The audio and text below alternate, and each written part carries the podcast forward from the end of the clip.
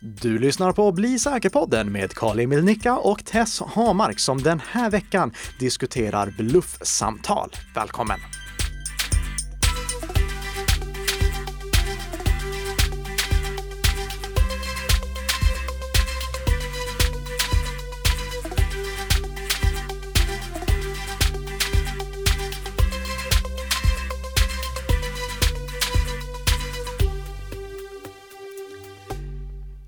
Välkommen tillbaka till Bli säker-podden, du trogna lyssnare som varenda vecka rattar in den här podcasten på fredagsmorgonen för att få lite säkerhetsuppdateringar och bli lite säkrare för varje vecka som går. Om du inte redan prenumererar på podden så gör jättegärna det via valfri poddspelare där du hittar den här podden som produceras i samarbete mellan Nika Systems och Bredband2. Och bakom mikrofonerna sitter som vanligt jag, Karl-Emil Nicka och Tess Harmark. Som förhoppningsvis har haft en bra vecka sedan vi pratade senast. Jo men det har jag. Den har varit eh, väldigt eh, fullspäckad måste jag säga. Det blir väl så när man har varit på semester två veckor och kommer tillbaka. Jag får ju skylla mig själv. Mm, precis, ja. det. du borde inte åkt till Karibien. Exakt! Ja, för det var Karibien wow. som du åkte till. det stämmer bra. Vilket land var det specifikt du var i? I Guadeloupe. Ja, eh, och det kan vi också då lägga till för er som lyssnade på förra avsnittet att det här Rome like home-konceptet gäller ju inte alla delar av Karibien utan det gäller ju de delarna som är kopplade till Frankrike eller något annat land av diverse postkoloniala anledningar. Eh, ska vi hoppa in på veckans nyheter direkt här, för vi har mycket att prata om. Eh, först och mm. främst så ehm, kan vi referera tillbaka till vårt eh, avsnitt som handlade om att låsa upp mobilen med hjälp av biometriska inloggningssätt, till exempel fingeravtryck och skärm, eller inte skärm, eh, vad heter det? Ansiktsigenkänning. Ansiktsigenkänning, tack mm. så mycket. Precis. Eh, det är ju så att eh, det har uppdagats här att 3D-printat fingeravtryck lurar Galaxy S10. Mm. Vi rekommenderar ju att man använder en eh, biometrisk inloggningsprincip i och med att även om det finns brister med sådana så är de ofta säkrare än att man skriver in en eh, sexsiffrig pinkod som vem som helst kan se. Men det finns vissa anledningar att inte alltid använda det. Eh, och vi har tidigare pratat om att ansiktsigenkänningen på Galaxy S10 är så lättlurat att den inte borde existera överhuvudtaget. De borde ha plockat bort den.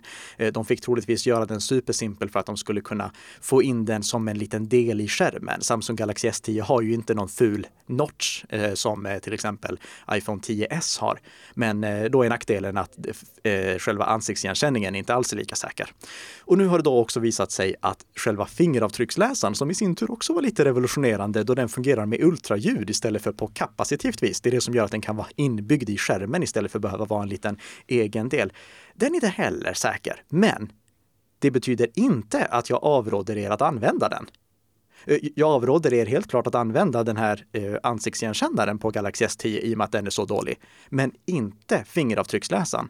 För, för det, enda, det enda som krävdes för att lura ansiktsigenkänningen, det var ett högupplöst foto. Men om man ska kunna lura den här fingeravtrycksläsaren, då krävs det att man har tillgång till ett högupplöst fingeravtryck och det krävs att man har tillgång till en 3D-skrivare och att man kan 3D-modulera ihop ett sånt här fingeravtryck och printa ut det. Det är mycket högre tröskel att komma över. Så bara för att man kan lura den här fingeravtrycksläsaren betyder det inte att man ska sluta använda den. Och igen, på det stora hela, använd jättegärna biometrisk inloggning. För det blir i långa loppet troligtvis mycket säkrare än att du har en sån här ja, sexsiffrig pinkod som vem som helst som står och stirrar över axeln kan se. Och du kan ju tänka själv, om någon kan få tillgång till ditt fingeravtryck i högupplöst format, då kan de också stirra över axeln. Så mm. eh, eh, kort och gott, använd jättegärna fingeravtrycksläsaren. Men det, det, är bra att känna till att det finns säkerhetsbrister med det. Mm. Någonting annat som det finns säkerhetsbrister med i mobilappsammanhang eller mobilsammanhang, det är en förinstallerad mobilapp som den kinesiska tillverkaren Xiaomi hade på sina mainstream-mobiler. Känner du till Xiaomi? Eh, det, ja, lite grann, inte jättebra ska jag vara ärlig med att säga. Nej. Visste du att det är världens fjärde största mobiltillverkare? Absolut inte.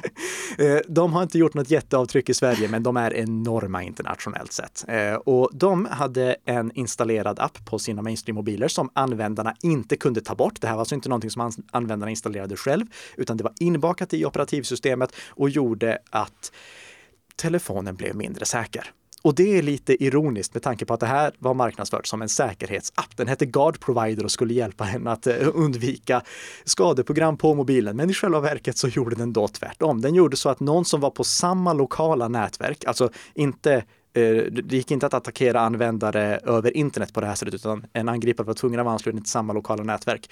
Kunde eh, inspektera trafiken som gick till och från mobiltelefonen och dessutom infektera mobilen permanent med någon typ av eh, spiontrojan till exempel. Väldigt allvarligt och mm. tragikomiskt med tanke på vad tanken med den här appen var. Nu har Xiaomi rullat ut en säkerhetsuppdatering som löst problemet, men det är ändå väl värt att tänka på att de gånger som man köper mobiltelefoner med med förinstallerade appar ja, så måste vi tyvärr säga att det kan finnas säkerhetsbrister i dem. Mm. Eh, det, det, är av den här anledningen som jag rekommenderar att man kör en så ren version av Android som möjligt, till exempel Googles Pixel-telefoner, så att det inte finns massa sånt här skräp på mobilerna. Och om ni mobiltillverkare som lyssnar på det här vill att jag ska ändra den rekommendationen, låt då användarna avinstallera appar som de inte vill ha, så har vi löst det problemet tvinga inte på att använda appar som de inte vill ha. Mm, bra sagt där. Eh, sen hade vi en tredje nyhet här mm. och det är ju eh, patch-tisdag. Yay! Ja, som vi väntat. Vad har vi för uppdateringar här då? Eh, massa uppdateringar till Windows och eh, till Adobe-programmen. Eh, och bara kort och gott, se till att du har installerat dina Windows-uppdateringar och dina Adobe-uppdateringar. Eh, det var två stycken uppdateringar som släpptes till Windows nu som fixade säkerhetsbrister som används i attacker i detta nu. Så uppdatera omgående din Windows-dator. Och sen är det med Adobe som vanligt, uppdatera Adobe Reader om du använder det, avinstallerad annars. Eh, om du fortfarande har Flash, avinstallerade. Eh, och så finns det lite uppdateringar till grafiker som jobbar med Creative Cloud och liknande. Så se till att installera uppdateringarna så att du håller din dator säker. Då så Tess. Ja, då var det dags. Mm. Veckans ämne. Om jag ringer dig, mm. då ser du ju mitt mobilnummer i displayen. Ja, det stämmer. Litar du på att det är jag som ringer då? Eh, ja, fram tills idag faktiskt. Okej. Okay. Skulle jag säga. vad va, va är det som har ändrat din uppfattning? Eh, nej men du visade ju mig hur enkelt det är att utge sig för att vara någon annan. Mm. Eh, att man använder någon annans telefonnummer när man ringer. Ja. Eh, så det jag gjorde här, det var att jag helt enkelt lärt Tess ringa eh, min eh, testmobil från vilket nummer hon ville. Mm. Och hur lång tid tog det att göra det? Att fejka sitt uppringarnummer? Jag skulle säga 30 sekunder kanske. Mm. Svårare än så är det inte. Det enda man behöver det är en telefonväxel som tillåter spoofade samtal. Sådana kan man skaffa på diverse sätt. Vi behöver inte gå in på exakt hur i och med att vi inte uppmanar någon att göra det här. Och Skype. Det, det, det, är det som krävs för att kunna ringa en användare från vilket telefonnummer man vill. Och det här måste vi vara medvetna om. Jag tror inte att många är medvetna om hur lätt det är att spoofa samtal. Nej. Eh, för man, man, tänker att numret som står där i mobildisplayen, det borde ju vara numret till den som ringer. Men nej, numret som står i mobildisplayen är numret som uppringaren har valt att ska stå där. Och vanligtvis så är det ju samma nummer. Uppringaren vill att numret som syns ska vara numret som han eller hon ringer från. Mm. Men bedragare, de vill inte det. Och här kommer vi in på Eh, några sådana här riktigt sofistikerade bank-id-attacker. Eh, vi har ju läst sedan eh, flera år tillbaka om hur bank-id-attacker går till. Eh, en eh, person blir uppringd från någon som hävdar att de ringer från hans eller hennes bank och ber honom eller henne logga in med mobilt bank-id så att de kan verifiera att det är rätt person de pratar med eller informera om att ja, men det har plötsligt dragits pengar från ditt konto här. Kan du bara logga in så vi kan se att det är, allting är som det ska? Eh, den som ringer upp försöker ofta vara pådrivande så att den som eh, blir utsatt för attacken ska utföra någon handling snabbt, att de snabbt ska logga in, att det är viktigt, att det är bråttom, att det är akut. Mm. Och ett sätt som jag tror att många har försökt avslöja de här attackerna på, det, det, är att kolla att det verkligen är banken som ringer på mobilnumret. Men nu har vi ju idag konstaterat att jag kan använda bankens nummer om jag vill det. Det finns ingenting som hindrar mig från att ringa från eh, numret som tillhör det lokala Handelsbanken-kontoret eller det lokala Swedbank-kontoret eller för den delen SEBs centralväxel. Jag kan ringa från vilket nummer jag vill och säga att jag ringer från banken och att du därför måste logga in. Eh, och du kan inte lita på det. Du kan inte tänka att ja, men det står ju att det här är bankens nummer. Jag känner igen bankens nummer. Mm. För om jag vill, då fejkar jag det. Det man däremot kan göra för att förhindra sådana här saker, det är att begära att göra en motringning. Och det rekommenderar jag alla att göra när de är, om de tänker att det här kan vara på riktigt. Gör då en motringning, alltså begär, ja, jag skulle vilja ringa tillbaka för att verkligen säkerställa att det här är rätt. Och om du direkt hör, ja men det här är en bluff, lägg på telefonen och, eller be den personen som har ringt dig att dra dit peppan växer. Mm. Eh, dra dit peppan växer. Det, det, ta till ett kraftuttryck här i radion. Oh ja, där slår du. ja, är, please travel to the place where the pepper grows. Mm. Eh, Nej, nej, men eh, om du upplever att det här är eh, bluff och du, du känner igen det är bluff, lägg på direkt bara. Eh, men om du vill vara säker på eller, eller, kontrollera om det här är möjligtvis riktigt, begär då att få göra en motringning. Om vi ponerar att det är Handelsbanken, om personen som ringer säger att det är Handelsbanken som ringer. Anledningen till att jag tar Handelsbanken som exempel är att jag själv har Handelsbanken. Mm. Eh, säg då, okej, okay, jag skulle vilja göra en motringning. Lägg på och kontrollera sen om det numret som stod i displayen är ett nummer som finns listat på Handelsbankens webbplats. Alltså om det står att det, det är eh, Alice Javanetti på Handelsbanken som har ringt. Kolla då om det numret finns på Handelsbankens webbplats och ring tillbaka till det. Mm. Om det inte finns på Handelsbankens webbplats, då ska du inte ringa tillbaka till det. Och varför ska du inte göra det? Eh, det kan, ja, det kan bli dyrt. På vilket sätt då? Um, för att när du ringer så kan det innebära en, um, vad, kan man, vad kallar man det?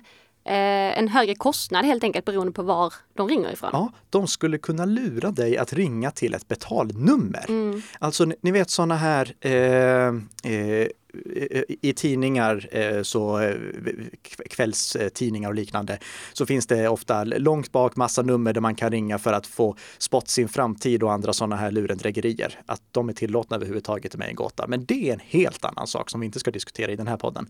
Men i alla fall, där finns betalnummer så att man kan få spott sin framtid för 9,90 om de här personerna kunde spå framtid så kan jag garantera er att det finns betydligt bättre sätt att tjäna pengar än att lura folk att ringa in till era betallinjer för 9,90 i minuten. Men det är jättebra. Ja, off topic. Eh, om en bedragare ringer dig och du vill göra en motringning, kontrollera att numret faktiskt är äkta så att du inte råkar ringa upp ett betalnummer av misstag eller ringa upp ett utlandsnummer av misstag. Så kolla den som har ringt, att det här är ett nummer och ring sen tillbaka. För ett sånt här eh, uppringarbedrägeri, det funkar bara när jag som måltavla blir uppringd. Eh, den som vill attackera mig kan spoofa numret som de ringer från. Men de kan inte göra så att när jag ringer det numret hamnar hos dem. Mm. Så om de spoofar att de ringer från Handelsbankens nummer, då kan det se ut så hos mig. Men om jag ringer tillbaka till det numret, då hamnar jag alltid hos Handelsbanken. Jag hamnar inte hos bedragarna. Okej, okay, så man behöver liksom inte slå in numret på nytt? Nej, det behöver Nej. du inte göra. Det, det, det, enda du måste kolla det är att det numret verkligen är ett korrekt mm. nummer eh, så att du inte hamnar i eh, något betalsammanhang. Jag håller det väldigt osannolikt att bedragarna skulle försöka lura en till att ringa tillbaka till ett betalnummer, eh, för de vill troligtvis bara komma åt ditt bank-id. Men anledningen till att jag ändå vill lyfta det, det är att det händer att det ringer folk från ett utlandsnummer mm. som bara ringer två signaler och sen lägger de på och förväntar sig då att den som de har ringt ska ringa tillbaka till dem. Och det kan bli dyrt. Så det ska du inte göra. Får du ett eh, utlandssamtal från ett konstigt nummer eller eh, ett konstigt nummer överhuvudtaget som bara ringer två signaler och sen förväntar sig att du ska ringa tillbaka. Alternativt, de ringer upp dig och så fort du har svarat så lägger de på luren. Ring inte tillbaka igen utan att kolla vart det numret går. Även om det kan vara väldigt nyfiket, att man mm -hmm. verkligen vill veta vart det här går. Ring inte tillbaka utan anledning. Och kom ihåg, när någon ringer till dig, lita inte på det numret som står i displayen. Och det här gäller inte bara till exempel eh, bankärenden. Jag kan också tänka mig att det här missbrukas i larmsammanhang. Eh, och om man tänker på de som har hemlarm om de blir uppringda av ett nummer som ser ut att komma från till exempel Securitas eller Avant Security, något av de här traditionella väktarbolagen, då kan ju de luras att uppge sitt, eh, sin hemlighet som de använder för att verifiera att det verkligen är dem. Mm. Så bedragare skulle på det sättet kunna lura ut eh, hemligheten. Och det bör man också ha i åtanke. Blir du uppringd av eh, ditt larmbolag så ska du inte säga hemligheten till dem. För du vet ju inte om det är larmbolaget egentligen. När du ringer till larmbolaget, då är det inga problem att du säger din hemlighet för att verifiera att det är du. Men om de ringer dig, då vet de ju redan vem det är de har ringt. Mm. Så då ska du vara restriktiv med att ge ut din hemlighet. Värst av allt, det är att det här problemet, det är ju inte isolerat till bara telefonsamtal. Det här problemet, det drabbar också sms. Om du får ett sms från mig, litar du på att det kommer från mig då? Ja. Ja, vad bra. Eh, men det, det, är ju ehm, för att vi chattar på Signal till exempel. Mm. Då, då, kan du lita på det. Om du hade fått ett vanligt sms, hade du då litat på det? Nej. Nej. Eh, eh, Signal är den här meddelandeappen som vi har promotat väldigt mycket i den här podden som vi också tycker att du ska använda. Men om, om vi pratar vanliga sms, sådana som går via telefonnätet, då finns det två sårbarheter som gör att du absolut inte kan lita på att avsändaren är den som står. För för det första kan jag skicka sms med spoofade nummer. Så jag kan skicka ett sms så att det ser ut som att det kommer från någon annan i din kontaktlista. Och för det andra, om jag vill skicka, skicka ett sånt här marknadsförings-sms, du vet som du brukar få från kundklubbar och liknande, mm. då kan jag skriva vilket avsändarnamn jag vill. Och det finns ingen process som kontrollerar att avsändarnamnet och telefonnumret hänger ihop. Nej. Så sms kan du aldrig lita på att de kommer från avsändaren som står att de kommer från. Och det här pratade vi också i ett tidigare avsnitt om, tror jag, när vi hade det som en lyssnarfråga. Ja, eh, och om man kan lita på när det kommer eh, liksom, kundklubbs-sms och liknande med länkar. Klicka inte på de länkarna, kontrollera vart de går och besök webbplatsen manuellt istället. Det var uppmaningarna som vi gav då. Mm. Så kom ihåg, telefonsamtal och sms, det kan spoofas, alltså luras. Men sen kan man göra som så att om man använder Signal, som är vår rekommenderade meddelandeapp, då behöver man inte vara orolig, för Signal går inte att spoofa. Om någon ringer dig via Signal, då vet du att det är rätt person som ringer dig, så länge som inte någon har stulit den här personens telefon då förstås. Eh, men eh, får du ett meddelande via Signal eller ett samtal via Signal eller ett videosamtal via Signal, då vet du att det är rätt person. Skulle någonting ha ändrats, då kommer det dyka upp ett meddelande där det står att den här personens säkerhetsnummer eh, har förändrats. Vill du godkänna det? Så om personen byter mobil eller liknande, då kommer det finnas en varning i Signal som säger att det här kan du inte vara helt säker på att stämmer. Men om allting är som det ska, då kan du, eh, och du inte har fått upp en sån här varning, då kan du lita på att uppringaren i Signal eller videochattaren i Signal eller sms-avsändaren i Signal, alltså meddelandeavsändaren i Signal, är den rätta. Jag tror vi måste ta ett helt eget avsnitt om Signal snart eftersom vi har pratat så mycket om det. Jag tror det också, jag börjar misstänka det. Så att vi kan referera tillbaka till det. Eh, men i väntan på det, kom ihåg, lita inte på vanliga telefonsamtal eller sms. Och då är det dags för veckans lyssnarfråga som har kommit in från en anonym person. Mm. Eh, och skriver följande. Krypterar inte Gmail e-posten? Och det här är en fråga som jag tror att har kommit in med anledning av avsnittet vi spelade in där jag sågar e-postsäkerheten och säger sluta använda e-post. Mm. Eh, jag vet att det är inte alla som håller med mig om just att man ska sluta använda e-post, men jag hoppas att ni förstår mina argument för det i alla fall och varför jag undviker e-post i största möjliga utsträckning. Där sa jag bland annat att eh, e-post är lika öppet för nyfikna ögon som vykort. Du ska inte skriva någonting i e-postsammanhang som du inte hade skrivit i ett vykort och det gäller fortfarande. Men i Gmail-sammanhang, där kan man klicka på en liten pil och då ser man om ett mottaget mejl har gått okrypterat eller krypterat. Eh, det här brukar indikeras med ett rött hänglås, ett grått hänglås eller ett eh, grönt hänglås. Det röda hänglåset, eh, som för övrigt är öppet också, det betyder att det här mejlet har skickats helt vidöppet i klartext. Alla som har varit på något sätt, eh, alla servrar och klienter som på något sätt har hanterat det här mejlet har kunnat läsa innehållet i det. Och det är så vi måste förutsätta att våra mejl går. Men moderna e-postservrar eh, till exempel Gmails, Bredband2 för den delen också, stöder krypterad anslutning mellan mailservrar. N när du skickar mail, då skickar du egentligen ett mail från din dator eller mobil till en utgående mailserver. Den utgående mailservern skickar det till en mottagande mailserver och den mottagande mailservern skickar det till mottagarens dator eller mobil. Mm. Så det är fyra delar som är involverade egentligen. Och om du ser ett grått hänglås i Gmail, då betyder det att det här mottagna meddelandet har skickats krypterat mellan den utgående mailservern och den inkommande mailservern. Mm. Och det är jättebra. Det, det, det, är den viktiga delen av kedjan skulle jag säga.